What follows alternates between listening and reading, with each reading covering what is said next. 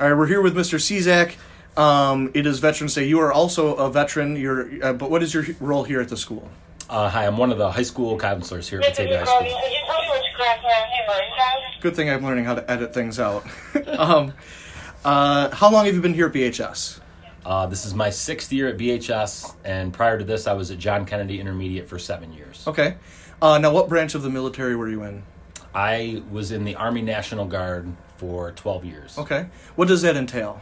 Yeah, so the National Guard um, is like similar to the reserves. So Mm-hmm. it's one weekend a month and two weeks during the summer, um, in addition to your basic training and your uh, advanced individual training.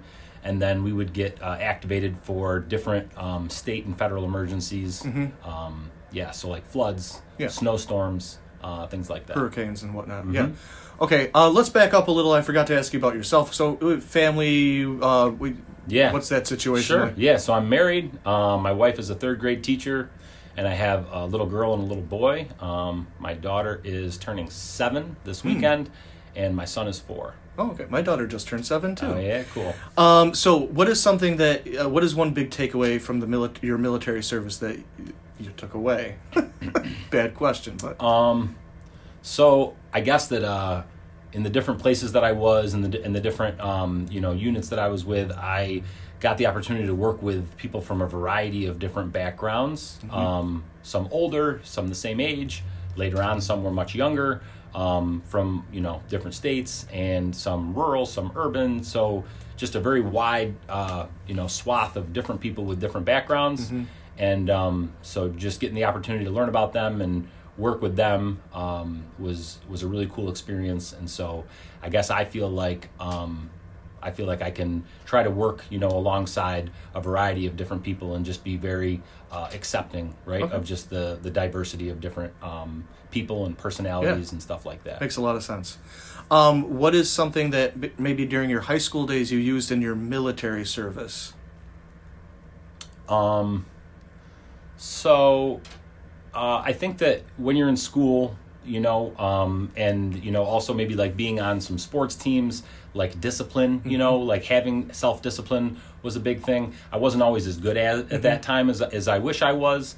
Um, but you know, um, but giving your best, uh, you know, like in a in a sporting event or a practice, and just having discipline if somebody's giving you some constructive feedback, um, whether it's a teacher or a coach, those things were very helpful um, because in the military, you know, the the people that are above you are like your bosses, and um, you know they have different leadership styles. Sure. And so just being able to you know have uh, discipline and you know follow directions from all different types of leadership styles, um, I think was something you know that was very helpful. Uh, what would it, it, good good answer? Uh, That's that's wonderful. Um, what is something you would say that from the military you use in your professional life t- now? so you know in the military like everything is kind of like mission focused mm-hmm. and so like you know it could be as simple as like what what are your goals for the day? Mm-hmm. And then the leaders are trying to you know execute and and carry out those goals. And so thinking about applying it to my work now as a school counselor i guess you know like uh, working with a wide variety of different people you know all towards the same mission Sure. or goal Yeah, to try to like help students be successful. Okay. and like what are our yardsticks for success? Like graduating high school passing classes right? Like uh, getting better at something that maybe you know they're struggling with. Um, and so you know working with a variety of different people from different backgrounds all towards one common goal um, is something that you know i feel like i, I learned about or, or got better at in the military. And to try to apply it here that's you know how i would say is that right so like the our coworkers were all kind of on the same team and our goal is to help students be successful Great.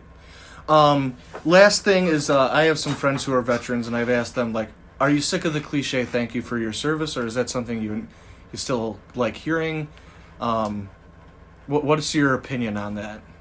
Uh, I mean, I, I always appreciate it. I think Okay. it's super nice. Yeah. Um, when I first when I when people say it to me, I mean, like sometimes you know I feel like a little undeserving Sure. because I know there's people uh, you know in the military that have like you know we're we're deployed for a year you know uh, Mm-hmm. in Iraq or Afghanistan and we're you know in an active war and so you know me like doing security or like cleaning up after a flood. You know what I mean? Still like, important it, stuff. It is. It is right. But I mean, I guess I just feel like there are people that are much more deserving, um, you know, of recognition. Um, but you know, I Yeah. appreciate it, and I think it's super super nice for other people to like, um, you know, take time out of their day and, and Sure. say that. Sure. And one fun funny thing maybe I'll Yeah. tell you is that uh, so my daughter is in uh, first grade, Uh-huh. and her teacher asked, you know, does anybody have a family member that was in the military? And so her teacher told my wife, she, uh, my daughter raised her hand and said, my dad, my dad was in the army, and he gets a discount at Lowe's.